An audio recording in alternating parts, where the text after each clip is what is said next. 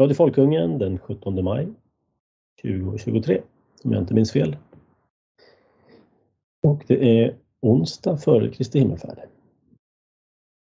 En fin kristen svensk högtid. Sven, jag har sett att du minsann figurerar i en annan podd. Du är lite otrogen mot Folkungen här. Mm. Nej då. Eh, men du, du ringde biblioteket. Att du ville veta vilka tider du skulle komma för, till den här eh, Pride, nej vad heter det? Drag show. Drag, ha med barn. drag Queen Story Hour. Ja, precis. Berätta. Ja, nej, det är helt enkelt så att uh, Stadsbiblioteket i Sundsvall hade den dåliga smaken att anlita de här uh, könsförvirrade människorna. Ja.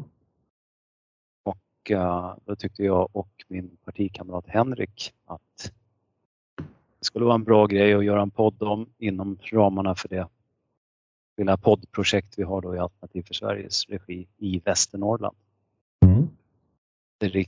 Tanken är att vi framförallt ska ta upp regionala ämnen då. Nu kommer inte det alltid räcka till så att vi har sagt att vi försöker hålla oss som det går då, till två ämnen per avsnitt. Ett riksämne och ett regionalt eller lokalt. Det här blev ju så då att det var både, det är både riksaktuellt och regionalt. Då. Det är, ett, det är ett globalt problem skulle jag vilja påstå till och med. Ja, ja, så, så kan man ju också... Eller åtminstone väst, västra halvan av världen. Ja. ja det, är ju, det, är, det, är, det, är, det är sinnessjukt helt enkelt. Det är, det är någon typ av psykos eller... Men, men det är ju så här va, det, det är det här kokagronan-fenomenet. Någon hade sagt till mig för 20 år sedan, kanske rent av 10 år sedan, att ja, år 2023 så kommer det sitta medelålders gubbar eh, med smink och kvinnokläder på biblioteken och läsa sagor för små barn. Och tanterna och politikerna och media kommer att försvara det här. Jag hade haft väldigt svårt att tro på det. alltså jag, det är så rubbat. Jag, jag ska erkänna att jag är rätt så förtjust rent musikaliskt i David Bowie. Uh, inte all hans musik, men, men eh, en del. Och han, han får väl ändå betecknas som en person som var eh, könsförvirrad. Eh, eller åtminstone ägnade sig åt eh, i, i, i sin visuella artistiska verksamhet så, så höll han på med någon typ av att klä, klä ut sig. Han sminkar sig uh, lite grann också. Lite så här, ja, ja, men precis. Och, och det där uh, det är ett rätt så bra exempel på en människa som gör någonting helt och hållet för sin egen skull i privat sektor, eh, i det här fallet då i ett musikaliskt sammanhang eller ett artistiskt sammanhang för vuxna människor. Där alla kan välja liksom att inte ta del av det här. Och man kan välja att liksom bara lyssna på hans musik. Man kan välja att bli någon sån här fanatisk människa som skulle se alla hans shower och så, och så vidare. Men jag kan inte låta bli att tänka om man, om man går tillbaka till 70-talet när, när David Bowie står där med sina paljetter och smink och, och, och eh, androgyna eh, framtoning på scenen. Om man då hade sagt till han att ja, du förstår på 2020-talet då, då, kommer vi ha, ha drag queens som läser sagor för barn på bibliotek. Och, och så funderade jag, liksom, vad, vad, skulle då den här David Bowie ha sagt? Han skulle ju, jag tror ju, jag tror på fullaste allvar att han skulle sagt att ni är för fan inte klok. jag är helt övertygad om det. Jag, mm. and, andra sådana här uh, homo eller bisexuella uh, artistikoner som Freddie Mercury eller uh, ja, nu kommer jag inte på några mer just nu, men, men jag, jag, tror de också hade sagt att ni är fan inte klok. jag tror de hade liksom sett en distinktion här mellan vad som är, är, är, är vuxenvärlden och nöje och vad som är, är barn och eh, något helt annat. Ja, alltså det är någonting med, jag ska inte ens säga vänstern, alltså det, det är någonting med de här civilisationshatarna eh, och sexualisering av barn. Det här är inte första gången i historien som det här görs, om man säger så. Eh, jag har faktiskt lovat en artikel på det här temat. Historiska exempel. Ehm, men, eh, nej, men det här är ett sätt att, att erodera samhället. Sexualisera, normalisera. Pedofili, det är liksom ett stort ord i det sammanhanget. Men liksom, ja. När, när man inte ser någon uppenbar nytta med en viss företeelse och de som är drivande i samma företeelse, när, när, när man kan ställa sig frågan varför gör de det här när det inte finns någon uppenbar nytta för, en, för den vanliga medborgaren så att säga. Då bör man ju alltid fundera i, på huruvida det kan finnas någon, någon, någon typ av egen nytta här. Som, och I det här fallet så, ja vad skulle det vara annat än att man, man antingen har några konstiga böjelser eller att man vill helt enkelt politisera barnen så att säga. Mm. Jag vet inte om du såg Christian Petterssons? Det är underbart. Ja, det är underbart. Re reaktionerna. Det är som uh, min gode vän där som vi nämnde innan vi spelade in här. Uh, han, han uttryckte det väl tycker jag. Uh, man liksom ser i ansiktsuttrycken att de, att de skäms. Att de, mm. att de, man ser på dem att de vet att de gör något fel. Precis. Det var alltså på Dramaten som man skulle ha den här typen av verksamhet och eh, han Christian Pettersson, Assar Christian tror jag han heter på Twitter, hade då filmat och spelat in när han skulle fråga de här utklädda gubbarna. Men han fick inte fråga dem därför att den kvinnliga personalen trädde emellan. Och precis som du säger, hade det här varit en föreställning om säg, drottningens juvelsmycke eller ett, eh, en midsommarnattsdröm eller en helt vanlig teaterföreställning så hade ju inte personalen förhindrat en journalist att intervjua skådespelarna som står där precis. Nej. Men i det här fallet så vet de att det här är, de, de skäms för det här på något sätt. Och ETC skrev ju då att vad var det de skrev? Vilket ord använde de? Attack, just det. Högerextrem attack. Mot, mot sagoläsare. Det är så jävla löjligt. Ja, för, för den som vet vem Christian är så är det ju så att, att uh, man kan liksom inte anklaga Christian för att vara till skillnad från uh, liberala partiledaren där så är han inte två meter lång och, och, och liksom en stor hotfull figur utan han, han, är en ung smal kille som, som, som uh, må ha i, i de här människornas ögon tvivelaktiga åsikter men, men som knappast utgör någon typ av hot fysiskt. Det, det, är liksom... Ja, visst, visst.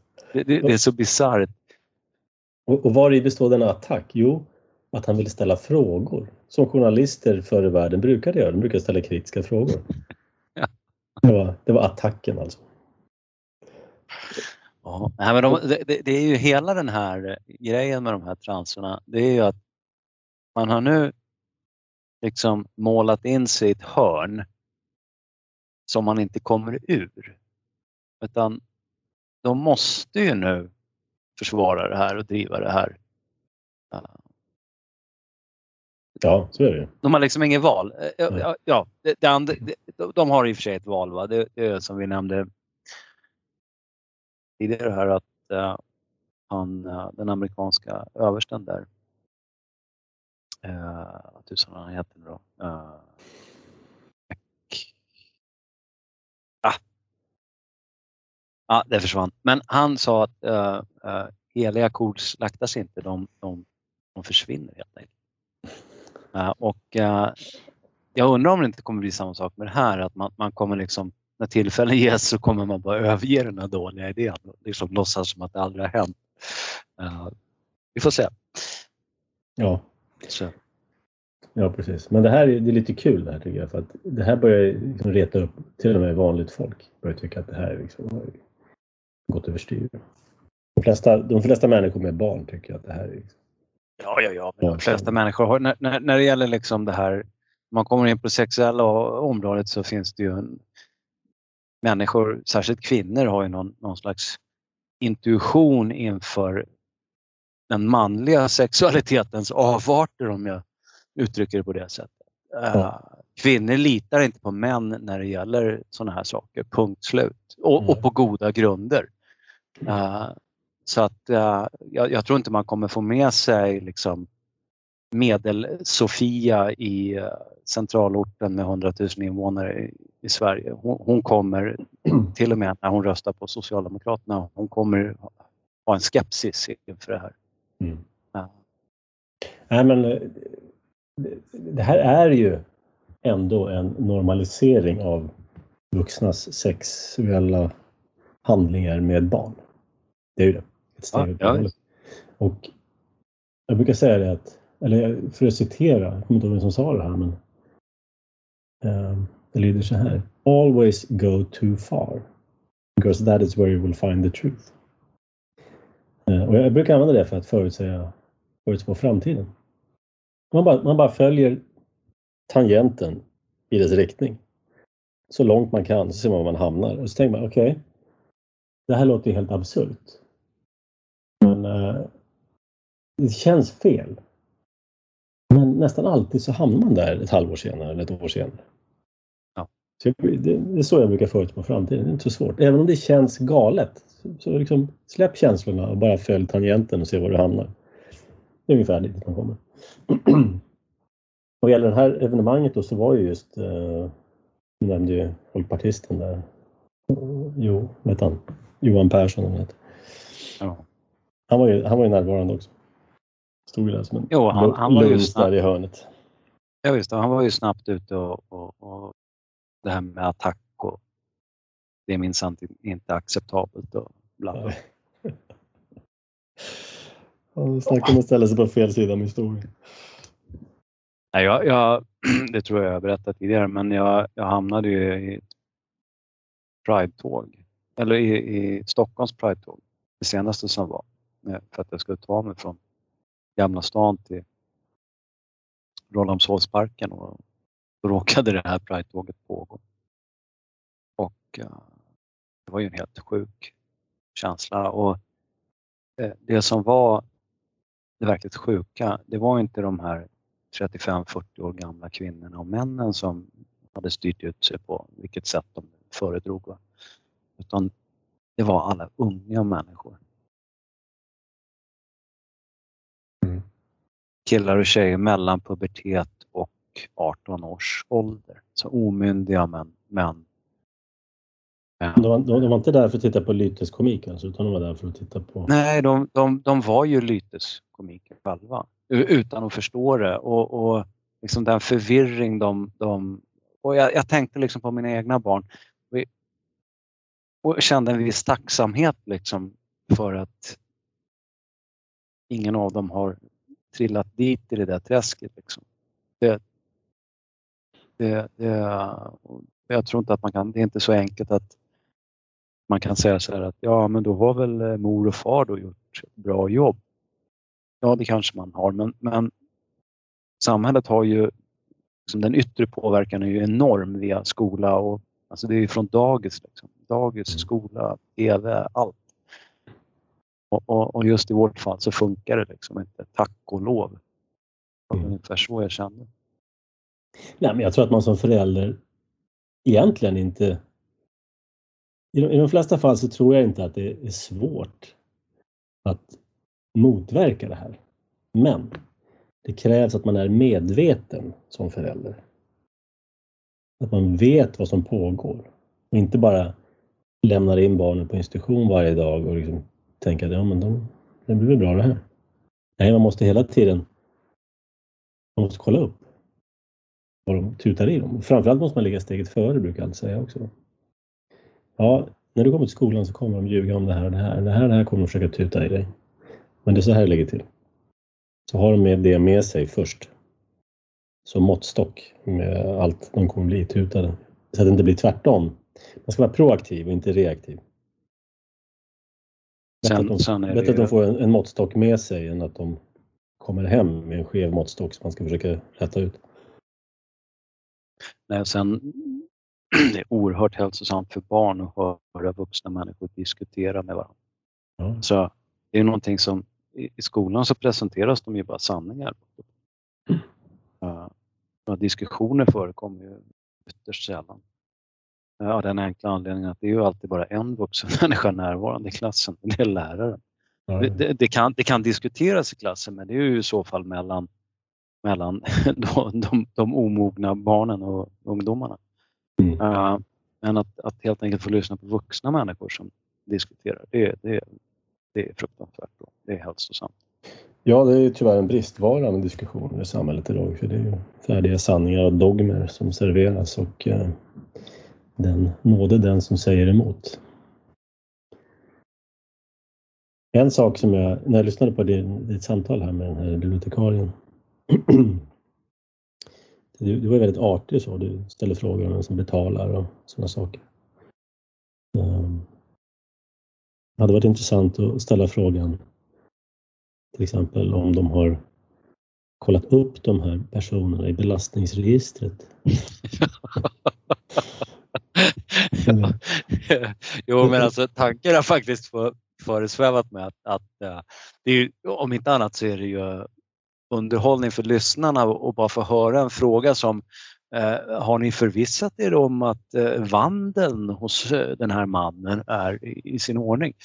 Uh, det blir liksom blir nästan burleskt. Ja, ja visst, visst. Ja, och, och, och, men, men, men eh, nej, vi valde faktiskt därför att om man ringer sådär och, och, och kanske om det här faller väl ut så kanske man kommer ringa många människor. Och till slut så kanske de lär sig att det finns någon någon högerextrem dåre som, som, som ringer och, och, om man då är konfrontativ då, då blir folk rädda. Liksom. Så att, mm.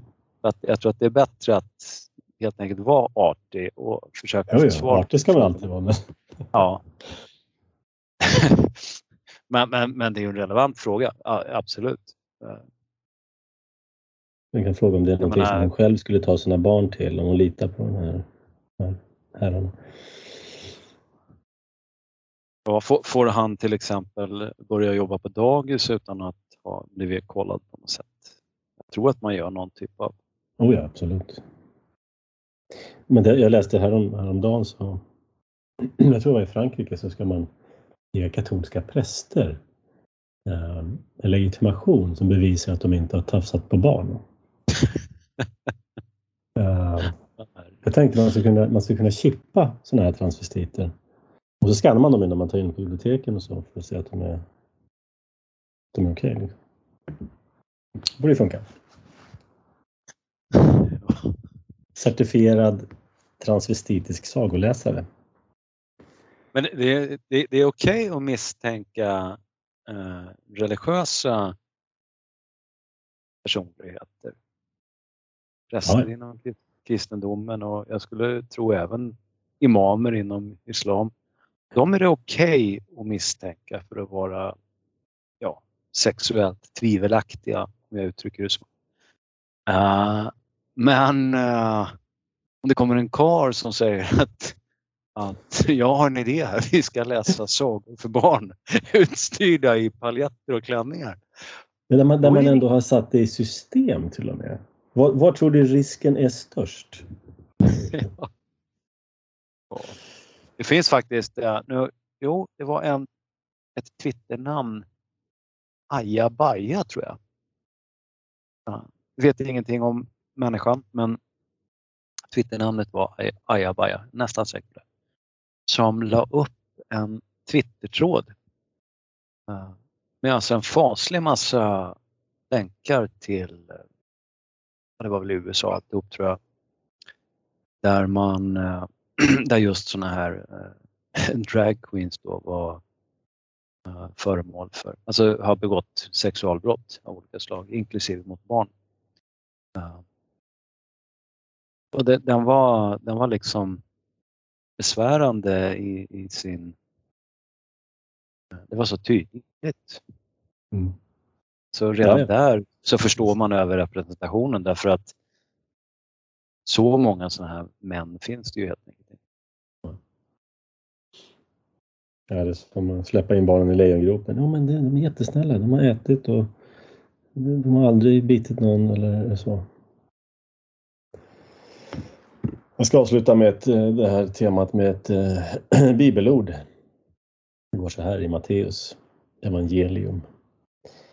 Men den som förför en av dessa små som tror på mig, för honom vore det bättre att en kvarnsten hängdes om hans hals och han sänktes ner i havets djup. Man kan säga att det är...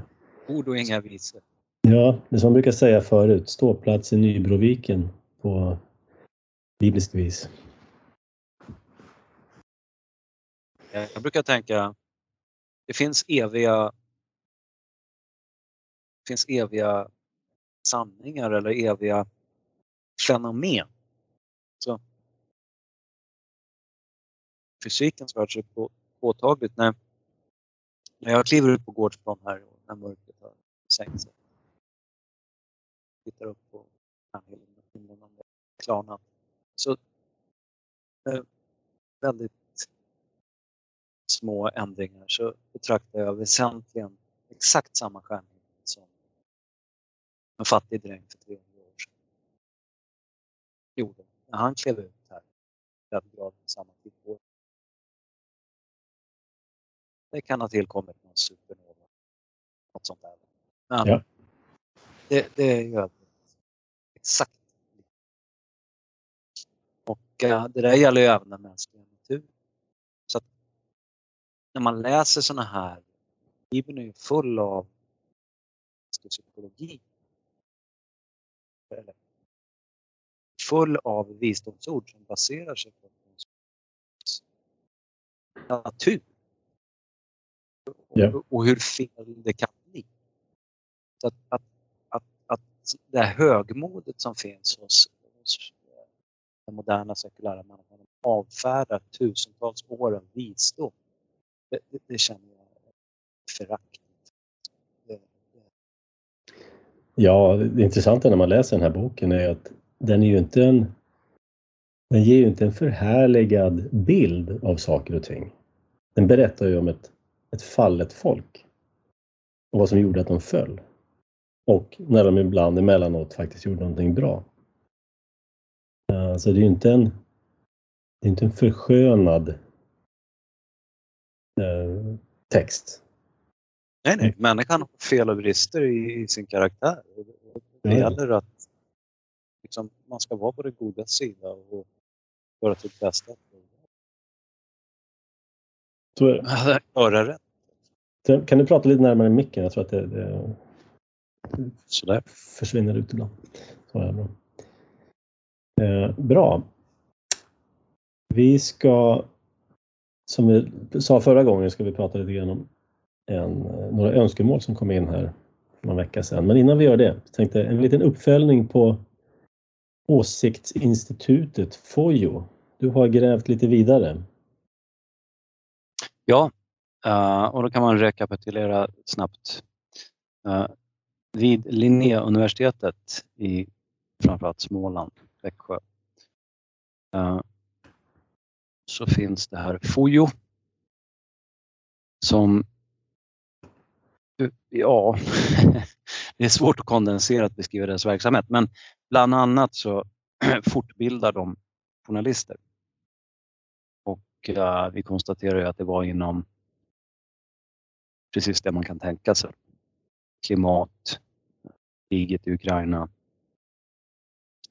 demokrati. HBTQ. Ja. Men frågan var ju, som lämnades öppen då, det var ju hur verksamheten finansierades och det har jag svar på nu. Låt höra. Ja, då först sådär. läser jag det som en ekonom har mejlat mig från Linnéuniversitetet. Utmärkt service för övrigt. Eh, och hon skriver så här. Fojo hade år 2022 53 miljoner i intäkter som fördelade sig med 12 miljoner på anslag och 40 miljoner, ja 40,7 miljoner i extern finansiering. Utöver dessa intäkter har Fojo transfererat 30 miljoner kronor till externa partners. Dessa medel har bara passerat universitetet utan att tas upp i intäkterna. Så man omsätter alltså ungefär 80, drygt 80 miljoner totalt, varav 30 går rakt igenom till olika ändamål? Då. Ja, det kan man säga. Så att, ja, precis. Och de här 12 miljonerna då, som, är, som kallas för anslag, de kommer nästan alltihop från utbildningsdepartementet. Eh, en liten slatt från kulturdepartementet respektive arbetsmarknadsdepartementet. Eh, medans eh, de externa medlen då, där kommer ja, utan att bryta ner i detalj, så 33 miljoner kommer från Sida och det är ju det som är det intressanta. Så återigen är detta förbannade Sida inne och sölar ut sina pengar i, i en verksamhet som framförallt bedrivs på hemmaplan. Jag tycker det här Sida framstår allt mer som någon slags eh, penningtvättsmyndighet som slussar medel till eh, diverse subversiva projekt. Fast, ja, de, fast anonymt liksom då på något sätt. Ja, de har ju alltså, de hanterar ju så fasligt mycket pengar, över 40 miljarder. Uh, och då blir det liksom enkelt att avdela, även om du avdelar bara en liten jätteliten andel av det till inhemska projekt så blir det väldigt mycket pengar. Och då kan du dessutom då, om du kontrollerar Sida genom att till exempel ha Eh, Sidas chef som en politiskt lojal figur, så kan du se till att de pengarna trillar så att säga rätt. Så att du finansierar eh, projekt, organisationer, föreningar och så vidare som kommer tillvarata dina politiska intressen. Och när jag säger dina här så är det ju socialdemokratin det handlar om. Och det, det, är så man har gjort helt enkelt. Mm. Jag kallar det för autonoma valarbetare. Det är liksom perfekt. Du, du, om, du, om du ger en större organisation rikligt med pengar och mellan raderna gör klart för dem att så länge vi sitter vid makten så kommer ni få de här pengarna. Mm. Så har du ju omedelbart skapat en, en, liksom, en symbios där. Du ger pengarna, de kommer agera för att du ska fortsätta kunna ge pengarna, det vill säga de kommer agera för att du ska fortsätta sitta vid makten. Just det. Och det här har ju sossarna hållit på med sedan 60-talet. Liksom. Det är inget nytt. Det är bara att det är enklare idag med internet och e-mail och så vidare så kan man komma i kontakt med rätt personer på en gång, få ut rätt uppgifter och så vidare. Offentlighetsprincipen var ju liksom inte... Hade man, när man lagstiftade och, och införde en praxis kring offentlighetsprincipen, om man då hade kunnat förutspå e-mail och internet, då hade man ju aldrig gjort det. Jag ger dem inga idéer nu för det går ju alltid, går alltid att ändra saker och ting som har blivit, som har blivit fel. Ja, men de har de idéerna redan. Jag har berättat, det har jag säkert gjort, jag tjatar ju alltid, jag säger samma saker om och om igen. Men jag tillhör ett samfund som inte tar emot några bidrag från staten. Mm. Uh, och uh, några år sedan så bjöd man in massa kristna samfund till, det fanns ju någon, det fanns någon departement, ja. trosfrågor och mm, Det finns en myndighet som bara ger ut bidrag till trossamfund. Ja, just det. Och det här var ju då det var Attefall satt ju den här då. På den tiden. Han var chef över det här. I alla fall så bjöd man in då diverse samfund för diskussioner. Och då skulle man diskutera migration. Man insåg att det här började gå åt skogen. Man behöver liksom ta hjälp av alla samhällsresurser man kan, man kan skrapa ihop. Då. Eh, men vi var inte inbjudna. Ringde och sa, får inte vi komma? Ah, alltså, i, I det här läget så bjuder vi bara in de som tar emot bidrag. Ah. Okej. Jag fattar. Ja, det är så det funkar. Man ger folk bidrag, de blir beroende av bidrag, de blir beroende av dig. Enkelt. I alla fall, jag avbröt dig. Du pratade om finansieringen av Fojo. Ja, nej, men det, det, det, finns inte så mycket att tillägga egentligen. Det, det, man har Sida som en stor pengakran in i den här verksamheten och mm. ja, kopplingen är egentligen rätt så långsökt. Okej, okay, Fojo har då kontor i andra länder och så vidare så det finns ju på ytan en,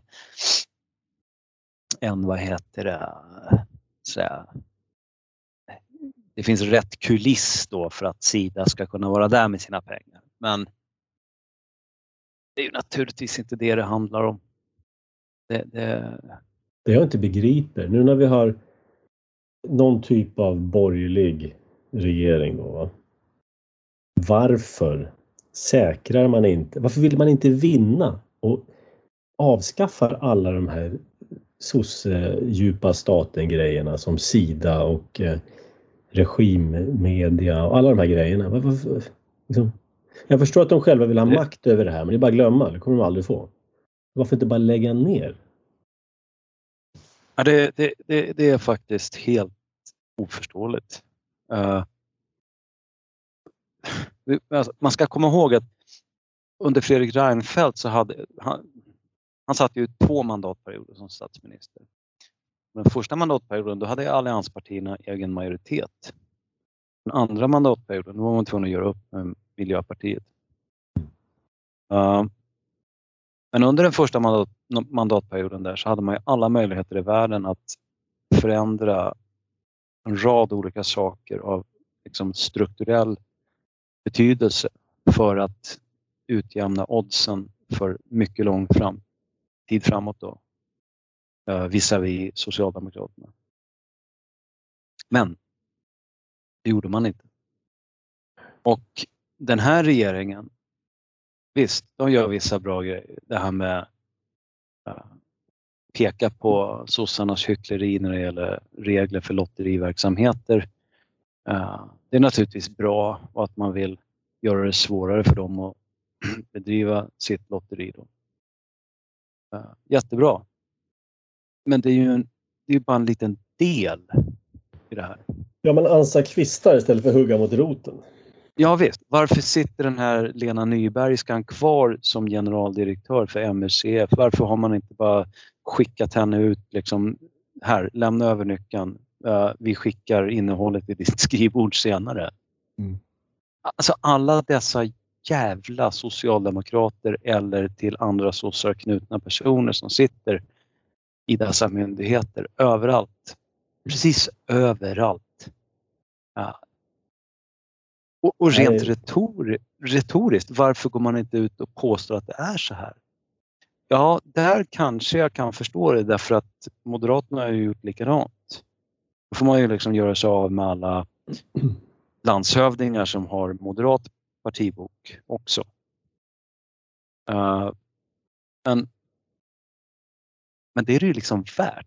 Ja, det är det har man makten ska man väl använda den? Ja, om, om man måste liksom... Man har väl fått väljarnas förtroende då, liksom, enligt demokratisk anda. Nu har ni väljarnas förtroende, ni har fått makten här. Använd den nu enligt hur väljarna vill ha det. Och SD har ju, de har ju anpassat sig till det här fullständigt. Ja, de, de syns ju knappt. Det är ju bakgrunden. Det är inte, ett, det är inte så man vinner nästa val genom att vara anonym direkt. Då. Nej, och sen, sen måste man ju, visst, det kan ju, om man tänker så här att ja, man sätter sig i SDs kläder nu och så tänker man att de, hur ska vi få fler procent av rösterna i nästa val? Ja, då ska vi göra så här och så här och så här. Ja, men det är ju en sak. Men sen måste man också fråga sig hur, hur, hur ska vi påverka hela den politiska spelplanen så mycket som möjligt? Ja, precis. Vad ska vi göra med våra procent? Ja, och, och de här två sakerna, de behöver ju inte... De kan ju liksom stå i konflikt med varandra. Om du, om du optimerar för att få så många väljare som möjligt betyder inte det nödvändigtvis att du påverkar politiken så mycket som möjligt. Om, om de skulle vara mer radikala idag och då är det mycket möjligt att de skulle fösa ett eller flera borgerliga partier framför sig. Så att liksom summan av radikaliteten på något sätt blir större. Uh, det är ju så man har fått KD och M, M att bli uh, åtminstone aningens mer invandringskritiska än vad de har varit tidigare. Mm. Men uh, nu, nu har man ju liksom helt upphört med det. Man liksom har sparkat, gjort sig av med alla de här frispråkiga Sverigedemokraterna och så är det sån här töntar kvar som den här, vad är det han heter? Jag hörde han på radion idag i bilen. Emil Aronsson. Ja. Han var vice ordförande i utrikesutskottet. Eh, de, han och ordföranden då, som var någon sosse, hade varit i Ukraina och så hade det blivit någon robotattack och de var tvungna att gå ner i skyddsrummet och hit och dit. Och när jag hörde den där Emil Aronsson, då tänkte jag liksom att fan, det är partitillhörighet okänd. Liksom. Skulle kunna vara vilken, vilken med här som helst. Men det, men det är ganska typiskt där. De blir, SD blev ju populära på grund av sin radikalitet. Men sen när man väl fått lite makt, ja då blir man rädd. Därför att nu har man ju plötsligt någonting att förlora. Då börjar man lyssna och man börjar liksom känna efter och vart blåser vinden? Oj. Ja. Alltså, då blir man ju ganska lätt ointressant sen.